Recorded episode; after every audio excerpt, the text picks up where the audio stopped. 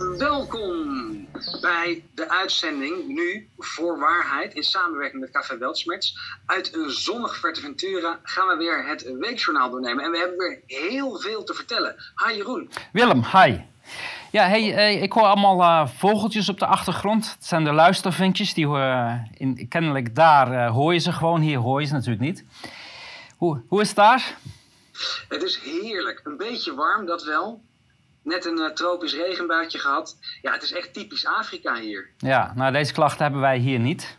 Kan ik je vertellen. maar we hebben desondanks heel veel te vertellen deze week. Dus laten we maar uh, gelijk beginnen. Denk ik zo. Goed idee. Goed. Zoals altijd met de slangenkuil. Politiek. Willem, na duizend dagen Duizend dagen na eerste Nederlandse geval lijkt de griep nu riskanter dan corona.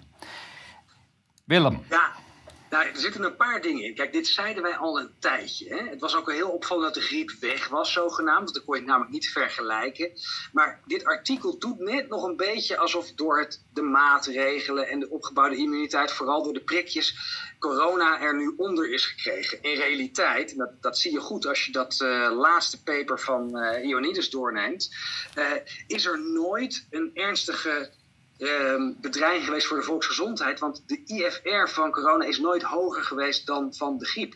En dit staat ook in onze dagvaarding te lezen. Die is uitgebracht op 17 mei 2020. Maar gelukkig na bijna duizend dagen komt het ook in de krant. Maar het positieve van dit vind ik uh, dat men kennelijk met een exit bezig is van mensen. Het is nu niets meer. Dat het nooit iets geweest is, weten we allemaal. Maar uh, ja, het zijn boeven die uh, de uitgang aan het zoeken zijn. Absoluut. Ja.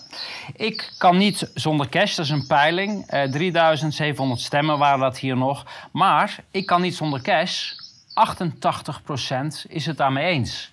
Dus kennelijk voelen mensen toch van uh, hier gebeurt iets raars als we geen cash meer zouden hebben. Wat denk jij daarvan? Ja, dit, is echt, dit is echt de silver lining. Dat COVID-verhaal is zo misbruikt. Iedereen echt aan het opletten is.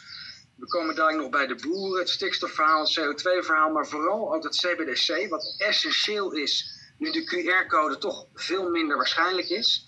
Um, men moet het niet, men wil het niet en het gaat een heel lastig onderdeel worden om er doorheen te duwen. Dat denk ik ook. Men had gehoopt dat in de, eh, in de schaduw allemaal even er doorheen te drukken. Dat is niet gelukt. Met alle afleiding die er geweest is. Desondanks hebben de mensen het nu op een uh, beeldscherm. Er zijn een aantal mensen die hebben daar flink uh, moeite voor gedaan. En ja, het heeft toch resultaat. Hè? Ehm, nieuwe app Forum Lek. Ja, opvallend artikel, opvallende timing ook. Uh, Forum wordt natuurlijk uh, aangevallen door, uh, door de narratiefvolgers, net als ongehoord, net als wij. mensen die waarheid brengen, die zijn een grote bedreiging voor Agenda 2030. Gelukkig heb ik dit tijdens mijn rechtszaak ook nog eventjes helder kunnen stellen, omdat die rechter niet snapte wie ons dan de mond wilde snoeren. Um, wat ik hieruit lees is vooral dat Forum voor Democratie verreweg de grootste politieke beweging is van Nederland van de laatste twintig jaar. Uh, een ander gedeelte is dat uh, toch bijna 30.000 mensen in de framing zijn getrapt en hun lidmaatschap hebben opgezegd. En het derde, en dat is natuurlijk speculatie, maar we komen dadelijk bij wat andere opstukken en dan is de speculatie wel een stuk waarschijnlijker, is dat dit natuurlijk van de cyberafdeling van het LIMC of de NCTV is. Uh, die hebben natuurlijk lopen prikken. We hebben dat al eerder bij onze eigen websites gehad met die DDoS aanvallen. En dat wordt dan uh, naar de krant verkocht als, uh, kijk, ze hebben hun, hun datacenter niet op orde. Ja, maar als je een professionele uh, cyberterreurorganisatie uh, achter je aankrijgt, dan is het niet zo makkelijk om het allemaal uh, goed te regelen. Ja, en we doen nu net alsof dit. Ik, ik, kan me herinneren dat we bij de GGD ook dataleks en zo hebben gehad. daar werd veel minder op ingezet dan, dan je hier nu ziet. Um, ja. Opmerkelijk. Ja. ja, en dit is helemaal opmerkelijk. Ik krijg een eigen hoofdstukje. Eh, soms lijkt het net alsof ik al uh, een, zetel in de Tweede Kamer heb namens Forum. dat is niet zo. Uh, ik vind het wel heel goed werk wat, wat, wat de partijforum doet en, en wat de Kamerleden met name in de Kamer allemaal voor waarheid brengen en, en ontmaskeren. Maar hier wordt weer allerlei onzin verkocht. Ik zie een tweet over D66-leider die daarop aangifte. Eh, dat is niet gebeurd. Hè? Dit is ook fake nieuws. Er is geen aangifte gedaan. Ik heb het echt alle manieren geprobeerd in te zien, op te vragen. Dat is niet gedaan. Wel is er toen de beslissing genomen voor mijn politieke vervolging. Dus ja. ik krijg een staartje en dat gaan we daar laten zien. Uh, dan staat er nog iets over de ING die blokkeerde omdat ik niet integer heb gehandeld. Als dat een reden zou zijn voor het blokkeren van een rekening, zou geen enkele politicus nog een bankrekening hebben. Dus ik denk dat er wat anders aan de hand is. In ieder geval, dat hoger beroep loopt en dat wordt nog een hele leuke zitting. De vraag is wat voor definities ze van uh, integriteit hanteren. Hè? Eh, FVD onderzoekt mogelijke aanval op IT-systemen. Ja, dat is waar we het net al uh, over gehad hebben. Meldpunt bedreigt de wetenschappers. Onacceptabel dat academici beveiligd moeten worden. En daar klaagt eh, mevrouw Koopmans over, Marion Koopmans. En dit, ik vind dit een heel opvallend artikel. Hè. Men, gaat zichzelf tot slachtoffer maken. Maar als je nou eens terugkijkt. Ehm, wat... dit, dit, was, dit was vorige maand, begin vorige maand. En dan gaan we nu kijken. Het is alsmaar een soort voorzetje. We hebben de zaak, de ontslagzaak van Rogier Lau gehad. Uh, waarin Erasmus zich bijzonder draconisch opstelt tegenover werkgevers die met uh, waarheid komt die uh, onwelgevallig is. En dat is een directe collega van Koopmans. Maar hier gaat het eigenlijk over. Nou, daar wou ik dus naartoe, inderdaad. De smoking gun is de Fauci-e-mails waar Koopmans en Ron Fouché uh, prominent in aanwezig zijn, uh, unredacted zijn. En dat is wel een bommetje, Jeroen. Uh, het is duidelijk dat de Nederlanders samen met Drosten een enorme rol hebben gespeeld in het bagatelliseren en eigenlijk in de doofpot stoppen van de lab leak theorie. Oftewel de, de lab leak hypothese, want het is de meest waarschijnlijke verklaring. Hè. De zoonose is erg onwaarschijnlijk. Uh, alle onderzoek hiernaar is dus uh, eigenlijk uh, getorpedeerd of gesaboteerd. En dat komt met name als we verder gaan door. Hè, dus Any Conspiracy Theory, dit is van Ron Fouché. Dus die heeft het direct, en dan hebben we het over 2 februari 2020. Hè? Nog voordat het hele circus losbarstte. Ja, dus het wordt direct complottheorie genoemd. En met factual information, gaan we naar de volgende volgens Ron zijn er allerlei dingen die heel makkelijk te debunken zijn. Eh, helaas is dat niet zo. En ik, eh, ik, ik denk dat Ron een uh, goede wetenschapper is, maar niet per se een integere wetenschapper. Daar zit nog een groot verschil tussen.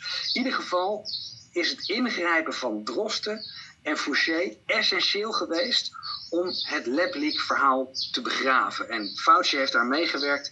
Ik, ik hoop ook dat mensen uh, mijn draadjes en artikelen hierover nog een keer nalezen.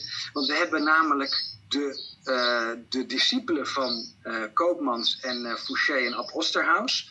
Dat zijn Neeltje Dorenmalen, Amy de Wit en Vincent Munster, vooral die laatste. Die werken nu als topvirologen voor Fauci. Dus dit is echt een, een, een Nederlandse een Nederlands smaakje aan eh, de Agenda 2030-groep. Ja, nou wat ik, wat ik net nog wilde zeggen daarbij. Ehm, we hebben afgelopen week een hele hoop afleiding gezien rondom Marjan Koopman. Ze was overal te zien, alle kranten, televisieprogramma's. Maar het ging over een boek wat zij geschreven heeft, of wat over haar geschreven is. Uh, en het ging niet hierover. Terwijl het lijkt me veel, veel voor de hand liggender dat we het hadden gehad over dat ze ontmaskerd is. En uh, wanneer uh, wordt ze nou gearresteerd? Want ehm, samen met. Nou ja, ze zal wel gehoord moeten worden. Ik heb haar nogmaals opgeroepen om naar voren te stappen als klokkenleider. Want wat ik uit deze e-mailtjes haal is dat Marianne Komens eigenlijk niet zo heel veel van virologie snapt. Of in ieder geval van of het nou uit een lab komt of niet. Eh, maar dat ze vooral uh, Ron Fouché, die uh, in de media niet mocht spreken in Nederland, uit de wind heeft gehouden. nog op de NCTV, die waarschuwt in het Algemeen Dagblad. Hun clubblaadje is dat, geloof ik, van het NCTV. Ik weet niet of, of zij ook al de hoofdredactie... Volgens mij schrijven ze die artikelen zelf, want ze hebben daar namelijk een inlogportaal. Iedereen een noodpakket in huis. Nederland extra kwetsbaar. En zij houden het op dat je voor 48 uur uh, voorraden in huis moet hebben en zorgen dat je, je kan overleven in huis. Nou is Nederland een uitzondering, want in alle andere landen, Oostenrijk, maar ook uh, Duitsland, daar hoor ik dat je voor een aantal weken moet kunnen overleven. Willem, uh, wat is nou verstandig te doen? Nou, ik heb dat uh, begin september volgens mij al een keer gezegd van uh, de Great Reset is begonnen. Uh, dit is geen verkeerd advies, Maar wel een opmerkelijke timing. Nu het verhaal instort, moet er angst worden gezaaid. En dat is natuurlijk de primaire taak van de NCTV. Dat is de Nationale Complottheorieënvereniging. Um, en, en, daar zijn ze mee bezig. Of ze zo doortastend zijn als de Duitse punktelijkheid en, en grondigheid, ja, dat valt nog maar te bezien. En een uh, stuk uit de Spiegel. Hè, Nederland dreigt uh, de boeren uh, met, over, over de mest, uh, hoe zeg je dat, de mestdispuut met onteigening. Dat gaat wereldwijd, Precies. gaat het ook rond dit bericht. En gewoon in mainstream media berichten. Ja. Dus Nederland is echt de proeftuin voor Agenda 2030. Dat, dat wordt steeds duidelijker. Wij, wij zijn het uitverkoren land. Kijk of het hier lukt. En dan kunnen ze in Canada zijn ze ook al, hebben ze ook stappen gezet. Nieuw-Zeeland. Uh, dit, ja. Dus ditzelfde wordt overal uh, gebruikt. En dit is uh, nog een artikel. Ja. dat is... Eigenlijk hetzelfde. 3000 boerderijen moeten worden onteigend. Maar dan gaan we kijken naar, als we verder gaan er zijn een aantal boeren die capituleren, die denken van ja, ik, uh, ik kies eigen voor mijn geld en dat begrijp ik. Maar ik heb ook heel veel respect voor de boeren die denken, dit is mijn missie in het leven, dit is het boerenbedrijf dat ik van generatie op generatie uh, eigenlijk uh, zorg draag en weer moet doorgeven aan mijn kinderen. Die zetten de hakken in het zand en die, die, moeten we ook blijven steunen. En gelukkig is het grootste gedeelte van Nederland daarmee eens. Als we naar de volgende slide gaan, dan zie je dat het uh, bijna twee derde is die vinden dat de boeren nooit gedwongen mogen worden onteigend. En dat is ook logisch, hè, want dit gaat over het recht op bezit, of het recht op eigendom. Als we dit toestaan, nou, dan is het heel snel dat wij nothing ownen, maar waarschijnlijk niet happy zijn. Ja, En ah, kijk, de, de NAVO. Middendorp, ja. over integere mensen gesproken. Hij was de voorzitter van Stichting Open Nederland. Daar is een miljoen euro in weggesluist. Um, maar hij vindt dat de NAVO moet opschalen, want er moet nog meer kapot worden gemaakt daar. Ja, een bericht van uh, Op 1 uh, is dat volgens mij, hè? Of, uh, ja, Op 1 NPO. Dat NAVO wil hulp aan Oekraïne opschalen, want Rusland wil het winterweer gebruiken als wapen bij gebrek aan militaire succes. Ja, dat bericht ook alleen al. Hè? Dus Rusland zou een gebrek hebben aan militaire successen en daarom moeten wij gaan opschalen. Ik... Het, het uh, raakt kan nog wel, en ook als uh, hij is generaal geweest volgens mij.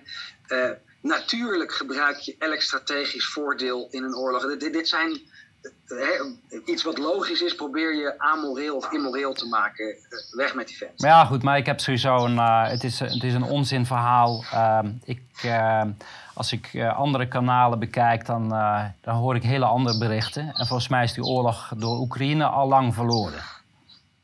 Dat denk ik ook. Ja. En nog een angstmakerij. Kabinet treft maatregelen voor mogelijke olietekorten door sancties Rusland. We zouden nog maar voor 90 dagen binnenlands verbruik olie hebben.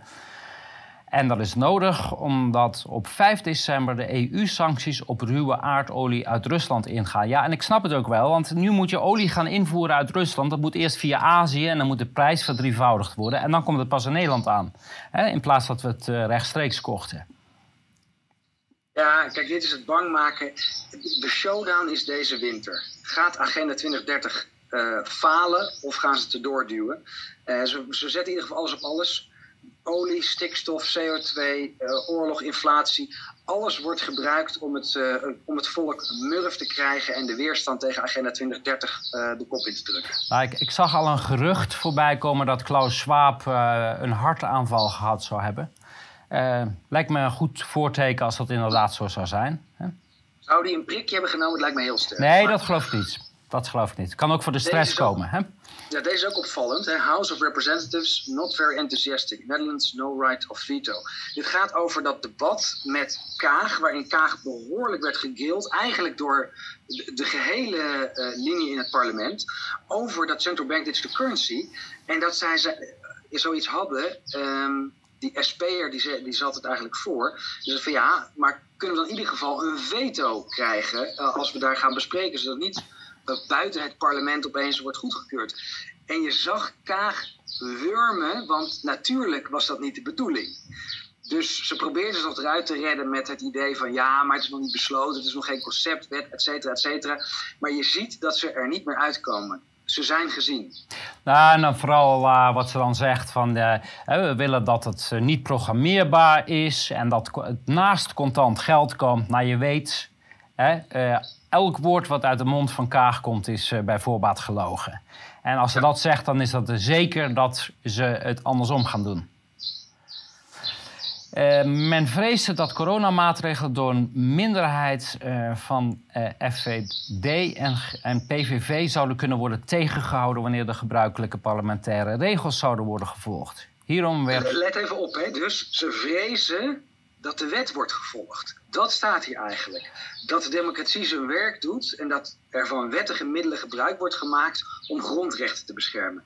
Hoe knettergek dit eigenlijk is en in wat voor koker of wat voor tunnel de koeplegers terecht zijn gekomen. Het is ook een uh, defecte opvatting over democratie. Hè? Want waar we het nu over hebben is een dictatuur van de meerderheid. Dat is geen democratie. Veel mensen denken, nou als je met de meerderheid bent, kan je alles er doorheen rammen.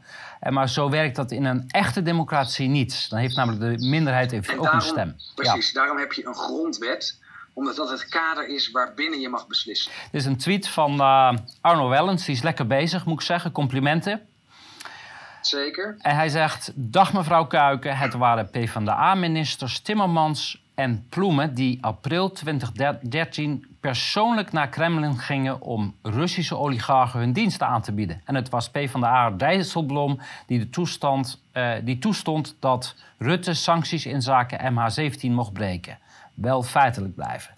Ja, heel mooi. hier, hier, zie je weer hoe diep de PvdA erin zit. Ze zitten dan officieel in de oppositie en hebben nog maar een paar zetels. Maar vergis je niet, dit is gewoon een machtsblok wat deel is van het kartel. En ook zo'n Timmermans en Ploemen en Dijsselbloem. Het, het is allemaal schorrimorri dat uh, uh, ja, uh, zich letterlijk heeft volgevroten van de corruptie. Ja, en vergis niet de rol van Dijsselbloem. Hè. Dat zijn we misschien alweer een beetje vergeten. Maar Dijsselbloem die, die, die heeft destijds... Um, die was voorzitter van, uh, hoe heet het? Die, um, de Trojka. De Trojka die Griekenland uitverkocht heeft en de nek omgedaan heeft. Hè? Ze hebben het hele gezondheidssysteem afgebroken en noem maar op. En als ik terugkijk, verbaas ik me nog over dat we dat zo normaal gevonden hebben. Dat uh, Griekenland in de uitverkoop ging. Ja tragische uh, pandemie-klassiekers. Uh, en dat is dan van goed, Maurice de Hond. Uh, de website van Maurice de Hond. En dit moet iedereen gaan doen. Alsmaar herhalen. En laten zien hoe ontzettend gek het was wat we allemaal hebben meegemaakt de laatste 2,5 jaar. En wat voor een schrijnende beeld het heeft opgeleverd met kinderen die door de QR niet binnen mochten afdrogen. de gekste dingen hebben meegemaakt die absoluut klassificeren als misdaad tegen de menselijkheid. En dat is belangrijk, dat we het niet vergeten. Ja, het zijn allemaal scènes die ze het liefst uh, gisteren nog zouden vergeten. Um, maar gelukkig blaast van de past. Hè. Je ziet alles voorbij komen en dat moeten we ook blijven. Want hoe langer het geleden is, hoe absurder de beelden. Uh, ja, van Wouter Aukema, een van de, de, de, de woppers. Um, laat heel goed zien, en dit is een document, eind 2020, dat er, en hier hebben we het al vaker over gehad hè, met die Richard Thaler, alles moreel maken. Associaties en emoties aan gedrag koppelen. Die polarisatie, waar wij alsmaar de schuld van hebben gekregen, was een hele bewuste sturing vanuit het regime. Om juist die, maatschappelijke en sociale onrust te creëren. Uh, en uh, op deze manier proberen uh, de oppositie de mond te snoeren en tegen elkaar uit te spelen. Ja, ja we hebben ehm, dat boek van Richard Taylor. Hè, dat is de basis van dit allemaal. En vanaf 2009, 2010 we hebben daar een aantal uh, uitzendingen over gemaakt. Uh, hoe mensen beslissingen nemen. Uh, dat ligt allemaal aan de basis van deze hele psyops, laten we het maar zo noemen. Ja. die over ons uitgegooid zijn. Geen argumenten, alleen maar inspelen op primitieve instincten. Um, ja, ons reptiele brein. Ja? Dat, dat, uh... ja. Propaganda en censuur. Verder met propaganda en censuur. Ja, internetmonopolisten. Een, een soort globaal ministerie van de waarheid. Ja, dat ze er nog zin in hebben. Want intussen is duidelijk dat die factcheckers uh, totaal ongeloofwaardig zijn. En als je weet dat het gefactcheckt is, weet je zeker dat, het, uh, dat je juist zat en dat het het omgekeerde is. Maar kennelijk uh, hebben ze nog niet genoeg gehad. Dus YouTube gaat samen met Google een wereldwijde fact-check uh, fact uh, doen. Ja, heel betrouwbaar en geloofwaardig. Ja, dus even onthouden, IFCN, dan weet je dat het niet waar is. Ja. Was de journalistiek tijdens corona te veel op de hand van de overheid? Vragen publiek en media zich af. En dat staat, is een artikel in de Trouw. Ehm, nou, maar ik vind het een hele rare vraag, want het publiek vraagt zich dat namelijk helemaal niet af. Want volgens mij, het publiek heeft het antwoord. Ik bedoel, daarom is, uh, is de oplage van al die kranten gekelderd en zijn ze praktisch failliet. Ja, en ik, ik kijk, het, is eigenlijk, het kan zo simpel zijn. Hè? Als je nou eh, als krant geen miljoenen aanneemt van de overheid om nonsens en fake nieuws te plaatsen, eh, dan ben je er volgens mij toch. Wat denk jij? Ja, als we naar de volgende slide gaan, want daar wordt dan eigenlijk de, de follow-up vraag gesteld van de journalistiek in crisistijd. Wat kan de journalistiek leren van de coronacrisis? Ja. Nou, het belangrijkste is natuurlijk het morele kompas. En dat is vastgelegd in de Code van Bordeaux. Die is met handen en voeten. Uh, eigenlijk elk lichaamsdeel van de pers heeft dat, uh, heeft dat ges, geschonden. En je had het net al over die enorme bedragen die zijn betaald door bijvoorbeeld Gates, door Brussel, door allerlei bijzondere financiële instellingen als journalist weet je dat je dan corrupt bezig bent. Dus ik, ik vind ook het heel vreemd dat dit soort vragen worden gesteld. Het enige wat de journalistiek nu moet doen is zichzelf aanmelden vrijwillig en uh, zich onderwerpen aan een strafrechtelijk onderzoek. Uh, opheffen, denk ik eerder. Hè? Want dit is kansloos en we hebben gezien, je zegt je morele kompas, maar ik ben bang, mensen die hieraan meegedaan hebben, die journalisten, tussen aanhalingstekens, uh, daar zit helemaal geen moreel kompas in. Anders kan je dit niet doen. Zo'n zo lange tijd, zoveel leugens verkondigen. Kijk, er zijn ongetwijfeld journalisten die in het begin nog een beetje in de war waren. Maar inmiddels, uh, als we kijken naar Maarten Keulemans en andere uh, mensen die.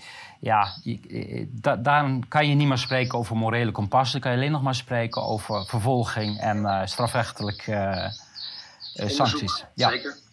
Gaan we verder. Huiszoeking bij DPG in media in België rond krantencontract. Ja, en dit vind ik opmerkelijk, want DPG is het doorgeefluik van de NCTV in Nederland. En DPG uh, is uh, de, de, persgroep, daar staat het voor, uh, is gezeteld in België. Volgens mij krijgt enorm veel subsidie. Steunt dus ook Agenda 2030. En het doet mij denken aan de topman van Jumbo die opeens werd opgepakt klapten ze uit de school? Wat is er aan de hand? Wilden ze niet meer meewerken? Zijn ze bang dat ze uh, de, uh, strafrechtelijk worden vervolgd en willen ze opeens waarheid gaan brengen, et cetera, et cetera. Dus waar ik eerst dacht van mooi dat ze aan worden gepakt, denk ik nu veel meer van hé, hey, ja. het regime zou dit niet doen, tenzij ze iets doen wat het regime niet leuk vindt. Ja, dat denk ik ook. Als jij netjes corrupt bent, je geld aanneemt en doet wat ze zeggen, dan heb je helemaal niks te vrezen. Een reactie eh, op NPO-ombudsman, en dat is van Ongehoord uh, Nederland. En het gaat over, de, er zouden 1700 klachten tegen Ongehoord Nederland ontvangen zijn. Maar u zelf stuurt ons nu 718 klachten door. daarvoor ontvingen wij tot nu toe 1019 klachten. Maar het merendeel van de klachten blijkt via advocaat de heer Max Blanken verstuurd te zijn. Max Blanken, deze advocaat, ken jij die, uh, Willem? Nou ja, die zit toevallig ook bij Kleerdin Hamer, uh, waar mijn uh, strafrechtadvocaat Roberti ook bij zit. ik vond het heel opvallend dat Jan Vlug, hè, de, de opruier in mijn strafzaak, um, ook al reclame aan het maken was voor Kleerdin Hamer. Dus dit is een beetje een mixed bag. En dit bevestigt dat advocatenkantoren worden gebruikt door de overheid om vuile klusjes op te knappen, want die zijn niet wopbaar. Althans, dat denkt de overheid. Maar daar gaan wij iets aan veranderen. Uh, wat gaan we daaraan veranderen, Willem? Nou ja, het is maar heel erg de vraag of dat zo is. Ja. Kan de staat zich beroepen op attorney-client privilege? Want de staat is van ons allemaal. Ja, dat zou je denken. Maar uh, met Fort Oranje hebben wij precies hetzelfde uh, aan de hand. De, we hebben daar meester Roosendaal. Dat is de advocaat die ook uh, verantwoordelijk is voor alle uh, coronaverordeningen, heeft hij geschreven. Hij zit er heel diep in. Um, hij heeft ook een advies geschreven over Fort Oranje. Wij hebben bij de rechter gevraagd, wij willen dat advies hebben. Want daar staat namelijk precies in de strategie die gevolgd moest worden. Hoefden ze niet te geven, want ook volgens de rechter heeft ook de gemeente het recht om een uh, advocaat te consulteren en een beroep te doen op de, uh, de geheimhoudingsplicht uh, tussen cliënt-advocaat. Heel opmerkelijk. Ja, dit lijkt mij dus een prejudiciële vraag die we voor het Hof moeten voorleggen, want ik betwist dat. Ik nou, weet niet ik, dat dat geldt voor niet-natuurlijke personen. Ik weet zeker van niet, want op het moment dat een overheid alles zou gaan uitbesteden aan advocaten, dan zouden wij als burger helemaal nergens meer recht op hebben om wat dan ook te zien. En een overheid is geen burger. Een overheid is van ons allemaal. En die hoort verantwoording af te leggen. En een burger uh, is, is natuurlijk een heel ander geval. Maar goed, dit is de uh, verknipte wereld waarin we leven. Gisteren had ongehoord nieuws meer dan twee keer zoveel kijkers als de NOS. Wat een vernedering voor de journalistieke elite. En dan, snap je, en dan snap je ook waarom ongehoord zo hard wordt aangepakt. En dit is wat we altijd al zeggen. Als je niet geframed wordt, heb je kennelijk geen impact. Ja. De, het bestaat niet dat je het juiste kan zeggen waardoor je niet geframed wordt. Dan zeg je juist niet het juiste, omdat je geen impact hebt. Ja. Maar um, ja, als ik om me heen hoor, dan is de NOS heel hard bezig om naar nul te gaan. Er blijft natuurlijk altijd een klein groepje die in een eigen wereld uh, intact willen laten waarin ze leven, een veilige bubbel. Maar um, het, ik, zou, ik ben nieuwsgierig hoeveel mensen er werkelijk nog kijken. Ik denk dat het een, uh, een schokbarend laag aantal is inmiddels. En Twitter die heeft uh, stilletjes de beperkingen op COVID-19-informatie uh, laten vallen. Goed nieuws. zie je ook weer die aftocht. COVID-19 is kapot. Dat denk ik ook. Niet verder. Nee, dat denk ik ook. 1 miljard euro is in Oostenrijk aan de media uitbetaald. En we hadden het er net over. Hè, die, uh, maar dan zie je dat zo'n moreel kompas, dat brengt goed geld op, Willem. Absoluut. En dit moet allemaal boven tafel. Hè. We hebben in Duitsland ook al de enorme schandalen gezien dat ze als zonnekoningen leven. De media moet onder de loep. Nou, die moeten uh, opgeheven, opgeheven worden. Dat moet, daar, moet, uh, daar, daar, moeten we vanaf. Dit, dit, dit, uh, kijk, als jij 1 miljard aanneemt om het woord van de staat te verspreiden en je burgers. Dit, dit gaat over belastinggeld, Willem. Dit is geld waar burgers voor krom gelegen hebben. En dat wordt uitgegeven om je hersenen te spoelen met je eigen geld. Komen we zo meteen nog op. Hè? Daar heb ik ook nog een uh, leuk dingetje over. Van Nieuwkerk heeft geen misdaad begaan, benadrukt Ilja Leonard Pfeiffer. En dat staat in HP De Tijd. Ja, waarom ik dit erbij heb geplaatst. Uh, er wordt constant, ook het stukje in RTL over dat uh, Engel niet integer zou hebben gehandeld. Nee, is de wet overtreden. En dat wordt hier ook nog eens even benadrukt. Al die ophef is afleiding. Het is een soort nieuw moreel frame creëren wanneer iets wel of niet mag. Maar daarvoor hebben we één ding en dat heet de wet. Als je de wet volgt, dan mag het. Dan kan het nog steeds zijn dat je het niet leuk vindt. Maar die grens is alleen door de wet bepaald. Ja, maar jij, bent, jij praat zo 2019, hè? Want inmiddels is dat al lang afgeschaft. Waar we het nu over hebben is gedrag. Dat, dat, zagen we trouwens al jaren. Dat heb, dat heb ik ook in die uh, Fort Oranje laten zien. Het gaat niet over wetsovertredingen, het gaat over gedrag. En dat, uh, en, en dat is iets dat probeert men steeds meer probeert men dat, uh, in die richting te gaan. En het is natuurlijk de overheid die bepaalt wat goed gedrag is, hè? dat snap je. Ja, en dan zien we hier, het is heel duidelijk bepaalde groepen. Arnold van Doorn, voormalig PVV'er, heeft zich bekeerd tot, tot de islam. En die wordt keihard aangepakt. En zo zie je dat wat rechts wordt genoemd, wat islamitisch wordt genoemd, de boeren, de christenen, die worden keihard aangepakt voor de meest onbenullige uitspraken en hier ook weer opruiing. We hebben het al in mijn zaak naar voren gebracht. Het is geen geïsoleerde zaak. Deze wordt met schering en inslag gebruikt door het regime om onwelgevallige meningen En let op, eh, nogmaals, ik herhaal het eventjes. Ga naar de website van Amnesty International. En dan kan je zien dat die, al die dictaturen waar Amnesty tegen strijdt, zeggen, eh, wat gebruiken ze om eh, oppositie uit te schakelen? Dat zijn bijvoorbeeld beschuldigingen van opruiing. Mark van Ranst, het was louter een verdienmodel. Ze kregen enkel al voor 2020 en 2021 meer dan 600.000 aan donaties. En it's gone.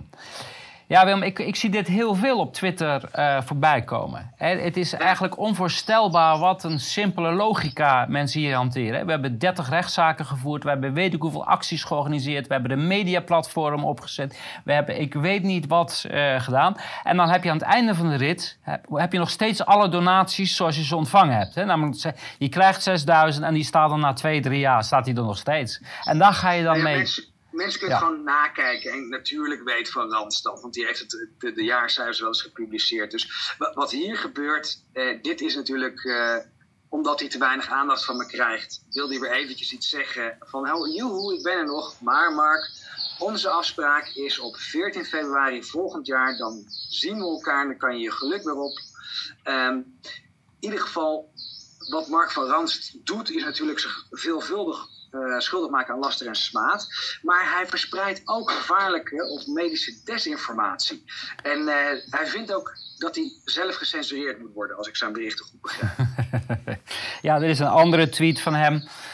He, uh, daar zegt hij in de situatie in februari 2020. COVID enkel in China minder besmettelijk en meer gevaarlijke Wuhan-stam. Geen vaccins was totaal anders dan de situatie in 2022. Veel meer besmettelijke Omicron. Dus Mark Frans wil nu beweren dat destijds China zo snel ermee klaar was, omdat het een hele andere, ja, ze hadden een hele andere COVID. Ze hadden een soort Chinese COVID en we hebben een Europese COVID. Ehm, heel anders allemaal. Gaan we naar nog eentje? Ja. De tweet uit februari, 16 februari 2020. En uh, daar roept Van Ranst, de koning van de desinformatie, uh, China lijkt de epidemie onder controle te krijgen dankzij draconische maatregelen. Miljoenen mensen zitten in steden onder lockdown. Iedereen draagt een mondmasker. En vandaag geldt een verbod op niet-essentieel auto- en vrachtverkeer. En dan een tweet van 29 november. Daar zit dus een, uh, bijna drie jaar tussen. En dan, wat zegt hij dan? China bewijst dat zero-covid-beleid niet werkt en betaalt een zware tol. Is dit schizofrenie of moet ik dat anders uitleggen? Nou ja, dit is voortschrijdend inzicht. Hè. Kijk, je kan het hem niet kwalijk nemen dat hij uh, van virologie en epidemiologie niet veel weet. Hij is immers professioneel twitteraar. En hij doet dat om prikjes te verkopen. Maar in, dan zou je denken dat hij zegt: mensen, ik had ongelijk. Ik heb het destijds helemaal verkeerd gezien. We hebben de maatregelen verkeerd gedaan. Maar ja, dat hoor ik hem niet zeggen. Hè? Nee, maar ik, ik denk dat we dat nog wel gaan bespreken in de rechtszaak 14 uh, eh, februari. Komen we bij internationaal nieuws. Uh, Brazilië rommelt lekker door. Het wordt niet rustig. En er gaan geruchten. Ik weet niet of het al bevestigd is inmiddels. Want ik zie heel veel uh, door elkaar komen. Ik vind het heel moeilijk om deze precieze situatie nou uh, te begrijpen wat er nou precies aan de hand is. Maar uh, de militairen schijnen de, uh, de kant van Bolsonaro te kiezen. Willem, wat weet jij daarvan? Ja, uh, volgens mij is Bolsonaro ook een, een, oud militair, dus daar heeft hij goede banden mee. tot nu toe wilden de militairen niet betrokken worden. Ze hebben wel gevraagd of ze de verkiezingsresultaten mochten nakijken. Dat heeft de Hoge Raad geblokkeerd. Daar zitten allemaal Lula-adepten bij. Um, maar het is heel interessant, want het volk pikt het niet. Dus uh, Bolsonaro gaat nu toch de verkiezingswinst uh, uh, tussen aanhalingstekens van Lula aanvechten. En het zou zomaar kunnen dat inderdaad het leger in gaat grijpen en gaat zeggen van alles moet op tafel. voorlopig is er geen nieuwe president en gaan we wellicht nieuwe verkiezingen zien. En wellicht uh, arrestatie van Lula. Hè? Want dat, uh... Ja, dat is natuurlijk heel vreemd dat hij vast zat en opeens is vrijgelaten. En dat, dat klopt ook niet. Uh, hij is gepakt met corruptie en had daar nog een tijd voor moeten zitten. Dit is een bericht van de Welt die, uit Duitsland. En het gaat over ouders die weigeren levensreddende chirurgie van een baby als bloed besmet is door vaccinatie. het gaat over een baby in Nieuw-Zeeland. En die schakelen ook gelijk de jeugd- de kinderbescherming in. En uh, gaan het hebben over de, uh, de, de voogdij van de ouders. Dit zien we, dit is niet de enige. We hebben meer berichten daarvan gezien. Ik geloof in Nederland is ook een geval uh, wat dat betreft. En het is heel opvallend, want het is zo eenvoudig op te lossen. Hè. Je hebt, um, er zijn ook mensen die vanuit religieuze overwegingen weigeren om bloed van andere mensen te accepteren. En daarvoor bestaat een regeling dat je zelf bloed kan laten invriezen. Maar hier wordt er een heel groot punt van gemaakt van je moet gewoon het bloed accepteren van gevaccineerde mensen. Heel raar uh, uitgangspunt. Wat vind jij, Willem? Zeker raar. Um, en ik denk ook dat het onhoudbaar is. Maar ja, toen de wet nog gold, kon je er redelijk van uitgaan dat je je gelijk zou krijgen. Uh, nu Agenda 2030 als uh, nieuwe ideologie uh, heerst, lijkt het alsof iedereen besmet moet worden met het spike-proteïne. En het laat ook zien, die ziekenhuizen, hoe diep die hierin zitten en gecorrumpeerd zijn. Hè? Een tweet van Julian Rijgelt. En Julian Rijgelt is voormalig hoofdredacteur van De Welt in, zeg ik het goed? In ja, de Welt in Duitsland. Uh, hij schrijft, vanaf 2023 weigert hij nog langer de omroepbijdrage uh, te betalen. Wij moeten dat allemaal doen. Uh, maakt niet uit of er gedreigd wordt met hechtenis, hè, want je kan daarvoor vastgezet worden in Duitsland.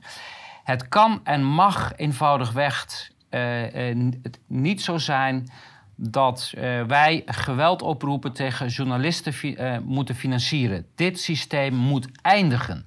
Nou, ik heb, we hebben het vaak over gehad. Het systeem in Duitsland uh, met de publieke omroepen, het kraakt aan alle kanten en ik zie het nog binnenkort instorten. Maar ik ben, hij begint in 2023, maar ik doe dit al lang. Hè. Ik heb alweer een nieuwe dreigingen gekregen van de deurwaarder. Uh, het gaat op dit moment om 275 euro. Ik weiger in Duitsland uh, omroepbijdrage te betalen. Ik heb je ook al verteld, ik heb contact opgenomen en gezegd... nou, laat ze maar een, voorschot overmaken naar mijn bankrekening. En dan wil ik best eens gaan bekijken wat voor propaganda ze mij te bieden hebben. Maar ik ga niet betalen om mijn hersenen te laten spoelen. Uh, op dit moment eisen ze van mij dat ik een uh, opgave geef van mijn vermogen, zodat ze kunnen kijken hoe ze dat toch kunnen gaan ophalen. En de volgende stap is dat ze me gaan vastzetten. Dus wie weet, Willem, eh, binnenkort uh, moeten we de uitzending vanuit de penitentiaire inrichting uh, gaan doen. Um, ja, dit is ook mooi. Hè? Er wordt constant ja. commentaar geleverd op de protest tegen de maatregelen, dat het asociaal is. Maar nu het in China gebeurt, en we gaan dadelijk ook nog een Canadees voorbeeld bekijken, uh, staat iedereen te juichen over het Chinese opkomen voor hun mensenrechten. Want hier geldt dat niet met de maatregelen. Maar als het in China wordt onderdrukt, dan, dan, hebben we wel, dan is er wel sprake van mensenrechten. Laten we even eerlijk zijn, die beelden die we hier gezien hebben, die kan je één op één uitwisselen met uh, China. Je ziet het verschil niet. Hetzelfde geweldsniveau. Uh, onvoorstelbaar wat hier gebeurd is. En de hypocrisie van politici en van de media, dat zij dit durven uitspreken. Uh, wij zijn al die tijd, en dat, dat, dat zijn ook uh, voorbeelden van uh, die tweets, wat daar vroeger in 2020 allemaal over gezegd heb. Dan hebben ze het over kwerdenkers, over wappies, over dat het antidemocratisch is. Het is een aanslag op de democratische rechtsorde, hè, die demonstraties. Moet je je voorstellen. Hier, dat is gezegd over de, over de demonstraties in Duitsland. En, een andere tweet van 8 november 2020, dat 20.000 kwerdenken, dat is wappies zeg maar, demonstreren in Leipzig. En uh, de groene en de linkse partijen die eisen consequenties voor de deelnemers. En nu gaan ze op de bres voor de bevolking die opkomt om, om hun uh, vrijheid te... Ja, ik, ik raak er een beetje van in de war, Willem. Ik weet niet of jij dat ook hebt. Ja, dus het, het lijkt toch heel sterk op fascisme dat uh, zich nog niet helemaal heeft ontplooid. En uh, een beetje als een schuchter hertje probeert op zijn benen te gaan staan. We gaan het zien. En uh, de AFD ehm, die meldt dat Lauterbach voor zijn uitlatingen over de medicijn Paxlovid... Ja, ik weet niet, mag je het wel een medicijn noemen, COVID-19? in ieder geval, het is op de markt gebracht als een medicijn En hij wordt nu vervolgd omdat hij, hij te ver gegaan is met het maken van reclame daarvoor. Ja, nou, dus dit is precies hetzelfde als we hebben gezien met uh, Frikandelle Hugo. Um, AFD is een beetje wat de FVD in Nederland is. En heel goed dat zij nu vanuit de politieke partij uh, een vervolging eisen en instellen, of een strafklacht instellen tegen Lauterbach. Dit zou in Nederland natuurlijk ook moeten gebeuren. Hè? Dus uh, FVD, BVNL, PVV en eigenlijk alle andere politieke partijen die iets met waarheid te maken hebben en met mensenrechten, uh, volgt dit voorbeeld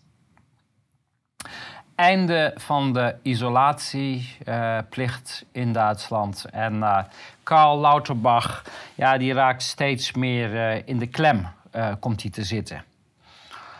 Ja, um, ja, heel goed. Ik bedoel, ik vind het nog steeds verbazendwekkend hoor. Want Lauterbach wordt door niemand in Duitsland serieus genomen. iedereen denkt dat hij als clown eigenlijk werkt. En terecht. Dus de vraag is, hoe lang blijft Karl nog uh, op zijn plek zitten. De vraag in een artikel: hoeveel politieke gevangenen zijn er in Duitsland? Dit is een oproep uh, van iedereen uh, die weet van mensen die vastzitten om politieke gronden om dat te melden. We weten, er zijn een paar bekende politieke gevangenen. Um, Balweek, die, Michael Balweek, die zit inmiddels... Hoeveel maanden zit hij vast, Willem? Dit is inmiddels vijf maanden, vier maanden, denk ik. Ja, dat denk ik ook. Eh, Hij is, Afgelopen week is zijn voorarrest verlengd, terwijl de hoofdbeschuldiging hebben ze laten vallen. Uh, dus men uh, probeert iedere keer nieuwe redenen te bedenken om toch zijn, hem in voorarrest te houden. Ik hoorde dat uh, Janes, hoe heet die? die ehm, in de Filipijnen is De Filipijnen vastzit. Die is inmiddels, hebben ze hem vrijgelaten daar. Maar het schijnt dat heel veel mensen vastzitten. We komen zo meteen nog bij een paar mensen die, die ook vastzitten op politieke gronden. Ja, en, en wat ze bij Balwek hebben gedaan, dat was ook bij mij gepland. Ja. Uh, daar gaan we het dadelijk over hebben. Maar dat natuurlijk de, de hoofdaanklachten al weg zijn gevallen. Dat ze nu net doen of ze een principiële uitspraak wilden totaal ongeloofwaardig. Het een, een puur politieke vervolging in Duitsland en in Nederland en zo eigenlijk in alle westerse landen. Kijk, als we over politieke gevangenen hebben, dit gaat over drie mensen. We hebben er een paar maanden geleden al grapjes over gemaakt. Dat je mag, de letter Z is in Duitsland verboden, want dat is namelijk het teken van uh, Russische uh, soldateneenheden. Um, er zitten daadwerkelijk drie mensen vast in Duitsland. De eerste uh, zit al drie maanden in voorarrest. Want hij zou de, de, op Twitter, op, op social media, zou hij de aanvallen van Rusland zou die vergoeilijkt hebben. Of hoe noem je dat? Ge, Goed gepraat of geprezen. Precies, ja. Um, ja. ja, en dit laat ook weer zien, de vrijheid van meningsuiting bestaat niet in het Westen.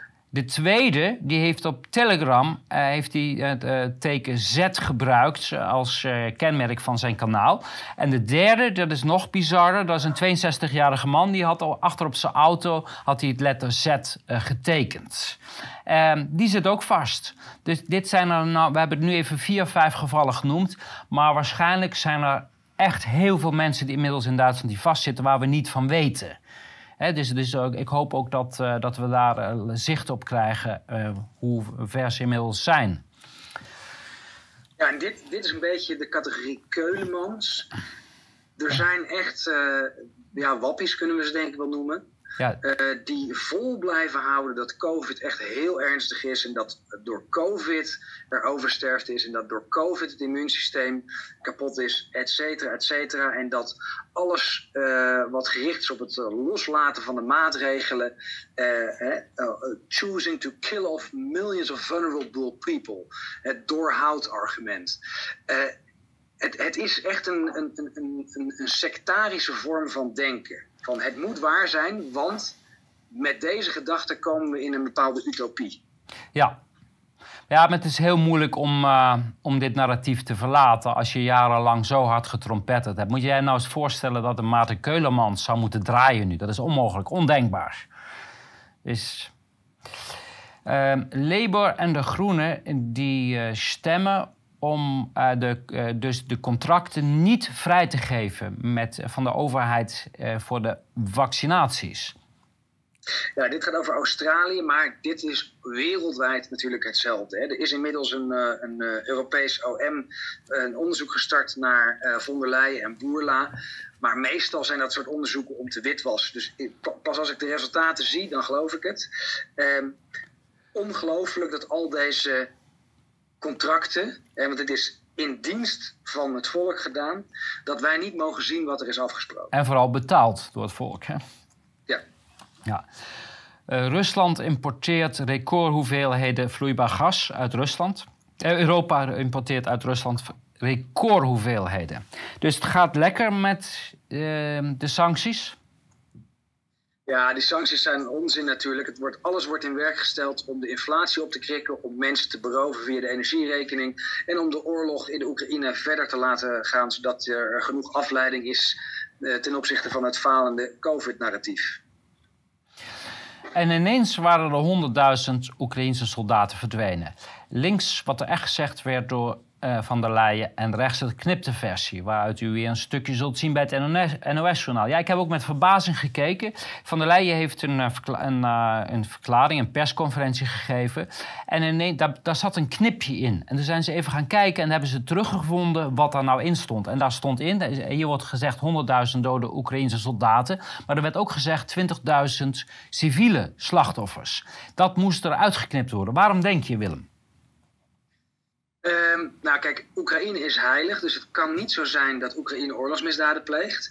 Uh, maar er is een ander punt, namelijk dat de uh, verliezen aan de Oekraïnse kant enorm zijn en dat deze oorlog helemaal niet is vol te houden. Er zijn twee uitkomsten. Ik zat gisteren nog Redacted te kijken en die zei het ook heel correct. Er zijn twee uitkomsten. Of er starten vredesonderhandelingen, of Oekraïne wordt vernietigd. Er is geen scenario waarin ja. Rusland de oorlog verliest. Waar we het niet over hebben, en dat heb ik ook bij Redacted gehoord, is dat, kijk, dit zijn 100.000 doden, maar er zijn in totaal 300.000.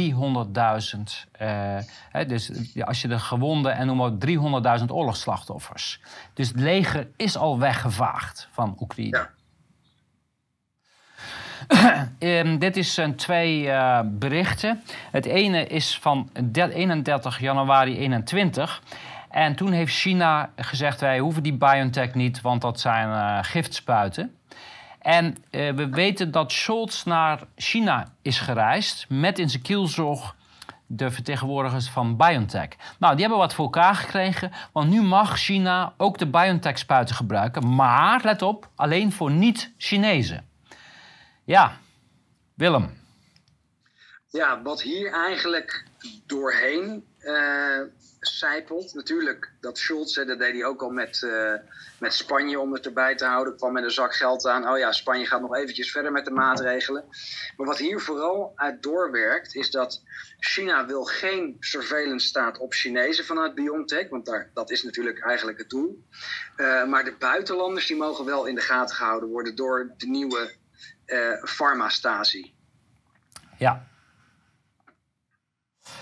en dit is een, uh, als we het over Olaf Scholz hebben, een tweet van Olaf Scholz, de, de, degene die zegt dat hij bonds, bondskanselier van Duitsland is.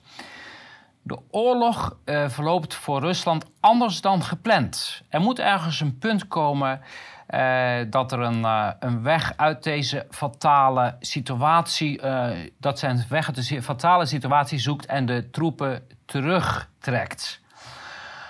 Uh, en dan uh, verwijst hij naar, naar een, een, een, programma waarin hij daarover gesproken heeft. Ja, dit zijn ook weer die sprookjesberichten die, die ze maar blijven verspreiden. Eh, dit moet je ook weer andersom lezen. Dus je weet, als je met deze mensen te maken hebt, draai het even 180 graden. Dan, heb je een, dan kom je een beetje waarschijnlijk in de richting van wat waar zou kunnen zijn. Nou ja, kijk, wat ik het positieve hieraan vind, is dat er steeds meer het zij bedekte uh, argumenten of uh, signalen komen over dat men er wel een beetje klaar mee is en dat er misschien onderhandeld moet worden. Ja, ik denk dat die oorlog niet geworden is wat men gehoopt had. Uh, zoals een hele hoop van de plannen op dit moment volgens mij spaak lopen. Dus het is een, ik, ben een, voorzichtig optimistisch hierover. Fantastische cartoon. Um, de overheid die steekt je gebouw in de brand en dan geven ze een klein emmertje met water. de overheid die helpt jou. dat is, ik denk dat het heel goed de huidige situatie weergeeft. Hè? De gasprijzen, de, ja, brandstof, de gas, de verwarming, kan, niks kan meer te betalen. Weet je wat? Hier heb je een fooi, dan kan je tenminste nog een beetje verwarmen. Maar dat je überhaupt uh, tekort hebt aan gas, is natuurlijk totale, uh, de verantwoordelijkheid ligt daarbij bij de overheid. een Fauci kon geen enkele studie noemen waaruit bleek dat de maskers werken. Ja, Willem, oud nieuws lijkt mij. Want dit hebben ja, kijk, dit is uh, onder zijn deposition. Hij werd onder Ede gehoord. Uh, waar hij ook last van had, is dat hij niks meer kon herinneren. Nou is het natuurlijk ook al iemand leeftijd. Volgens mij is hij al 84 jaar. In ieder geval in de 80. Uh, zwaait af. Hij heeft nog twee weken te gaan volgens mij. En dan is hij officieel pensionado. Maar ik denk dat we, om een voorbeeld te stellen, hè, we moeten een principiële grens trekken tussen de vrijheid van meningsuiting en opruiing. Dus we moeten hem nog wel horen en vervolgen. Ja, zeker. Maar het bevestigt wat wij al eh, begin 2020 wisten. Mondkapjes zijn schadelijk en onzin. En al die media en al die trompetters van uh, moeten mondkapjes hebben. Hebben. Het is niet eens zo lang geleden hier in Nederland. Hè? Wanneer vorige maand oh, moeten mondkapjes terugkomen. en bedrijven roepen om mondkapjes. Ik weet niet wat we allemaal voor onzin gezien hebben. Maar we weten al van het begin: mondkapjes zijn onzin. Wat trouwens de, de beleidsmakers zelf ook in het begin gezegd hebben. Hè? En als we het over geheugenverlies hebben. Dit is uh, de president, uh, minister-president van Oostenrijk. Ik geloof de Nehammer heet hij. Uh, die is vijf uur door de corona-onderzoekscommissie ondervraagd. Maar ook hij heeft enorme last van geheugenverlies. 40 keer had hij geen geheugen meer over dingen die ten tijde van de lockdowns gebeurd zijn. Ja, is dat een medisch probleem, Willem? Ik denk het wel. Uh, het is vooral een psychosomatisch probleem voor uh, mensen die uh, medeplichtig zijn of zelfs dader zijn aan gruwelijke misdaden tegen de mensheid. Dat ze op het moment dat ze met de waarheid geconfronteerd worden, compartmentaliseren en zich niks meer kunnen herinneren van hun misdaden. Dit is een veel voorkomend probleem uh, bij daders. Nou ja, Rutte heeft ook heel veel last van uh, geheugenproblemen. Maar hij, eh, bij hem kan je het meer de vinger op leggen. Want dat gaat over dat je geen. hij heeft een, zijn hersenen maken verschil tussen actieve herinneringen en passieve herinneringen. maar ehm, goed, misschien is er een soort academie voor waar je dat leert. Ja, hier hadden we net al eventjes over Trudeau, die natuurlijk, uh, ja, het, het, is niet, oorlogsmisdadiger is denk ik niet uh, de juiste term, maar uh, misdadiger tegen de menselijkheid. Hij heeft bewezen nu bevoegdheden ingezet om de politieke oppositie de mond te snoeren en proberen mensen te, te vervolgen. Maar. Hij springt in de bres voor in de. China, ja. In China moet men wel de mensenrechten respecteren. Ja, ja, en als het over China gaat, dan ineens. Uh, ja, het is te, eigenlijk te absurd voor woorden. Hè, dat, dat je het... Er was nog een, een, een, grappig clipje tussen Xi Jinping en, uh, um, en Trudeau. Dat uh, Trudeau even de les werd gelezen van: hé, hey, als wij dingen bespreken, dan, moet, dan wil ik het niet teruglezen in de media. Ik, raad mensen aan dat clipje nog eventjes te kijken. En dan zie je ook echt dat Trudeau een loopjongen is van, van Schwab, eigenlijk van iedereen. Ja, kijk, wat je dan ook vindt van die opmerking, want uh, van, uh, van Xi Jinping word je ook niet blij. Maar wat het vooral liet zien, uh, hoe uh, Trudeau door de grond zakte. Hij kon ook nauwelijks nog rechtop op blijven staan na die uitbrander. Want dat was een flinke uitbrander. Daarna uh, kwam hij met een een of ander loze kreet weer, zoals hij altijd doet. Hè? Dan gaat hij ratelen. Jonge crypto-ondernemer plotseling in slaap gestorven. Ja, ja. nou dan zie je dat crypto dus naast climate change een, een, groot probleem is. En dat je daar als jong persoon aan kan overlijden. We komen dadelijk bij nog wat opmerkelijke overlijdens bij het uh, medisch katern. Maar het is, uh, ja, het, mensen moeten toch van de crypto af. Hartstikke ongezond. Ja, en dit, is, uh, dit gaat over een rechtszaak in Duitsland. Dat is een lerares die is onder druk gezet door werkgever om de spuit te nemen. Heeft ze uiteindelijk gedaan.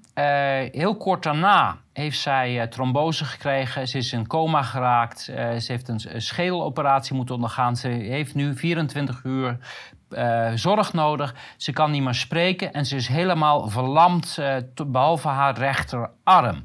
Maar wat zegt de rechtbank? de werkgever is niet aansprakelijk. Waarom niet?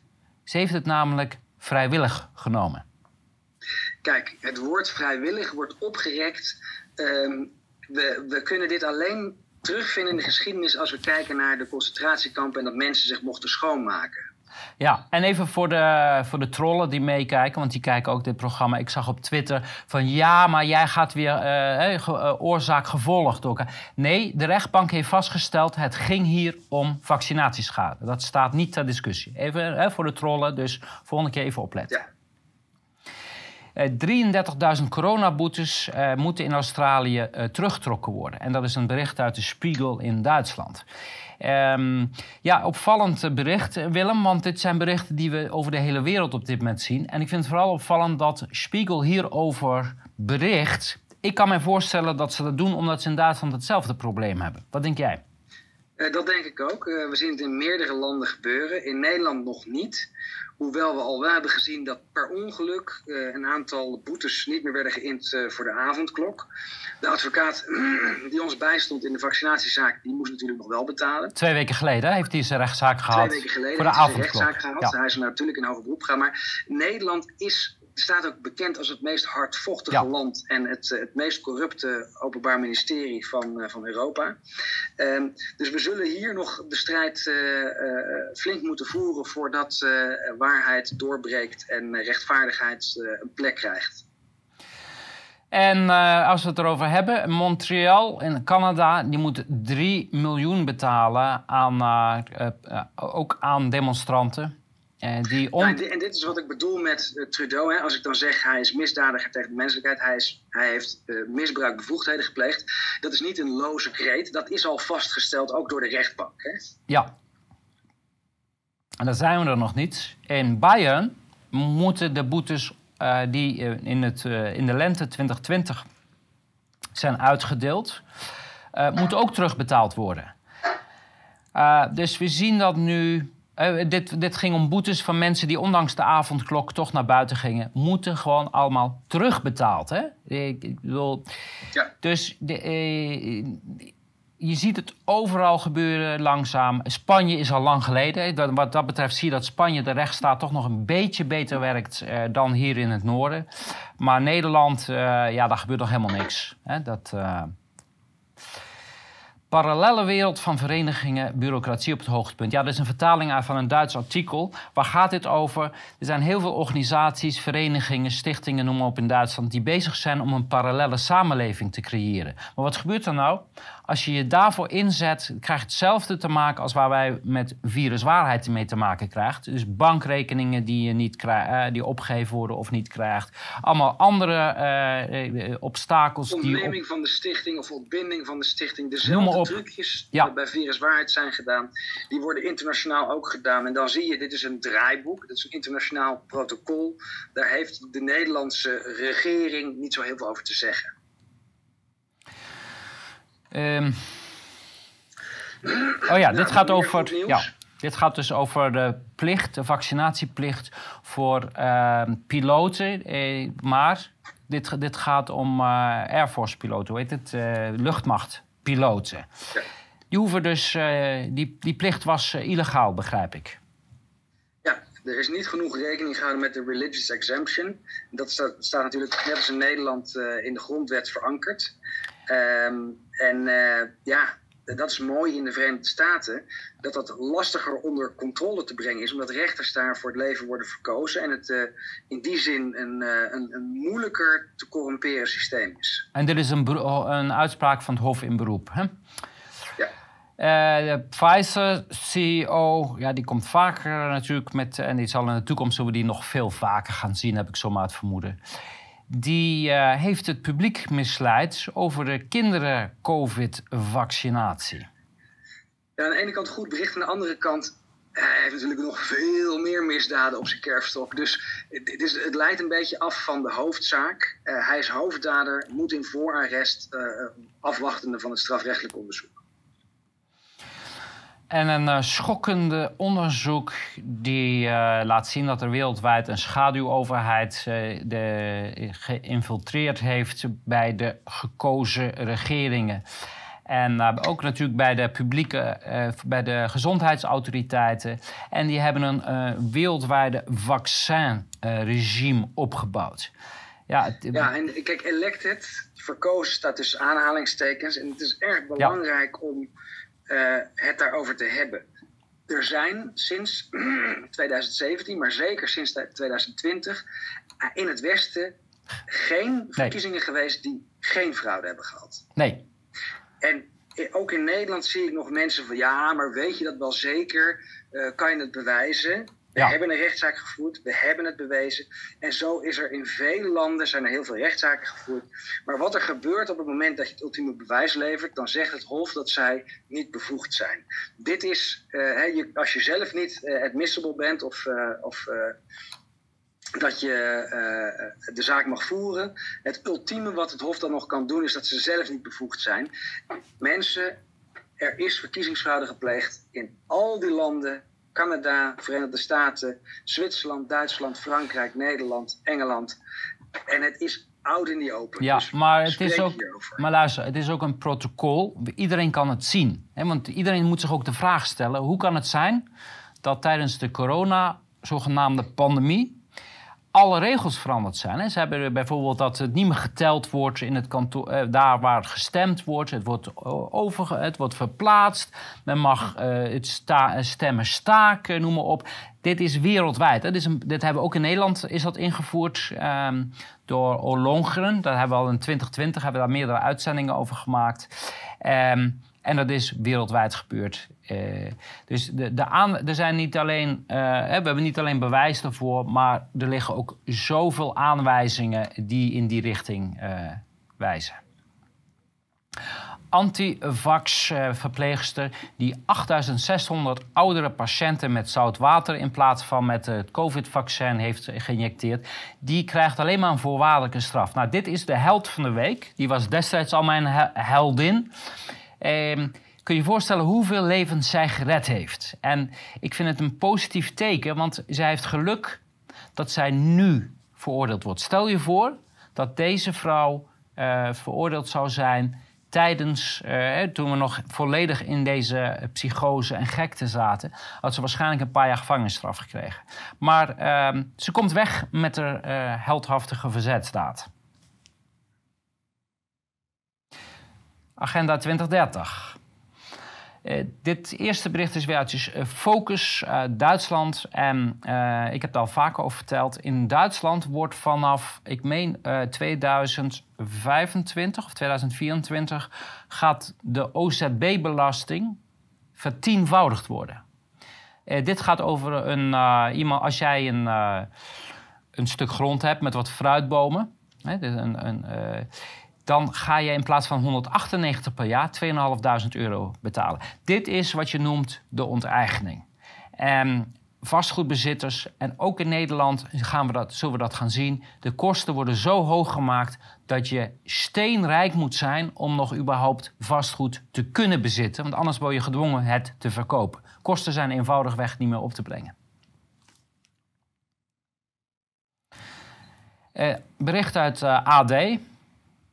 Ja, en wat hier zo opmerkelijk in is, AD is natuurlijk onderdeel van DPG, oftewel uh, de spreekbuis van de NCTV. Uh, eh, we hebben net in het begin van deze uitzending de polls gezien. 9 op de 10 wil absoluut dat cashgeld blijft.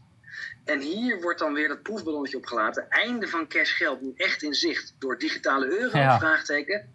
Gaat het gaat om een fundamentele verandering. Dit moet er doorkomen. Het wordt niet gefroten en dan wat het is, alsmaar herhalen totdat ze het kunnen flikken. Het wordt als een uh, voldongen feit gebracht. Dat zagen we ook tijdens het uh, Kamerdebat.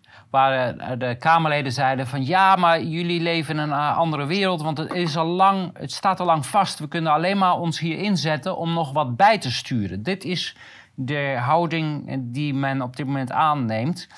Ehm, ik begrijp het dat men het door wil rammen. Maar we moeten ons met hand en tand verzetten. Als je geen contant geld meer hebt, is dat het einde van je vrijheid. En uh, Japan en Zwitserland die zijn maar vast gestopt met uh, onderzoek naar de, uh, en proeven met de CBDC. Willem.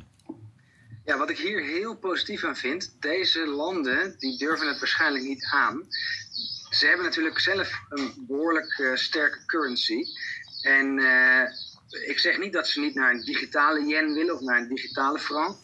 Maar dat central bank digital currency, ik denk dat ze het niet aandurven en dat ze het hun uh, burgers niet kunnen verkopen. Dat ze opeens uh, mee moeten doen in het inflatiespel. Ja. Uh, dit gaat over. Een goede tip, ik heb het al eerder gezegd. Hè? Dus let op, niet doen. En dat is inloggen met de EIDAS. Oftewel een Europese digitale identiteit. Zeg maar, dat is de, de Europese DigiD. Als je daar eenmaal inlogt, dan ben je geregistreerd. En dan is het niet zo makkelijk om je daar maar uit te krijgen. Ja. Dit is trouwens, uh, daar heb ik ook al een uh, aantal artikelen over geschreven. Dit, dit is de voorbereiding van jaren. Dit is al jaren geleden voorbereid. Deze. Uh, um, dit is de re REAIM 2023. De Rijksoverheid organiseert een conferentie over verantwoorde artificial intelligence in het militaire domein. Willem, wat, uh, wat zie jij in dit bericht? Ja, dit is een bevestiging van wat we al lang wisten, namelijk dat artificial intelligence een primaire rol in ons beleid gaat, uh, gaat vervullen. er wordt geëxperimenteerd in de rechtspraak. Er wordt natuurlijk geëxperimenteerd in alle andere diensten waarvan we het niet direct weten. Maar dat hele idee van democratie, dat is lastig.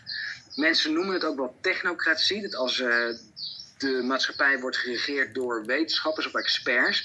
Maar dit is het echte doel. Het gaat nog een stap verder. We geven het helemaal uit handen en een computer gaat bedenken wat het beste voor ons is. Als we daar komen, dan is de mensheid gereduceerd tot vee. Nou, dat, dus maar, ons...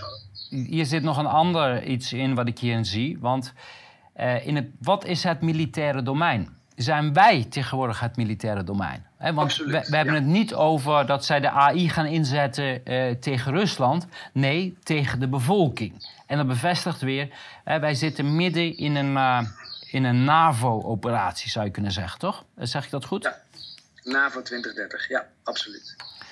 En uh, de weg naar de hel is geplaveid met de Sustainable Development Goals.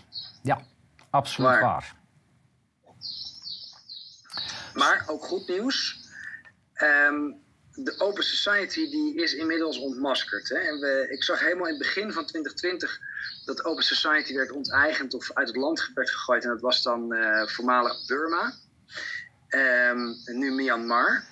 En toen dacht ik al van, hé, hey, opmerkelijk. En nu zien we het in steeds meer landen. En dan kunnen mensen natuurlijk zeggen, ja, maar dat zijn autoritaire dictaturen, et cetera. Wat mij opvalt is dat Soros uh, inmiddels in de big picture staat. Dat hij uh, uh, zeer antidemocratische methoden handhaaft. Dat hij allerlei terroristische groeperingen financiert. Maar vooral dat heel veel nationale staten hem doorhebben en van hem af willen. Ja, hij uh, is betrapt. Hij staat in de spotlights. Mensen weten langzaam uh, wie achter al de ellende zit die over ons heen gegooid wordt. Kijk, ik heb een artikel geschreven in de andere krant uh, dat morgen gepubliceerd wordt. En dat gaat over het Europees Hof voor de Rechten van de Mens. Wat blijkt nou?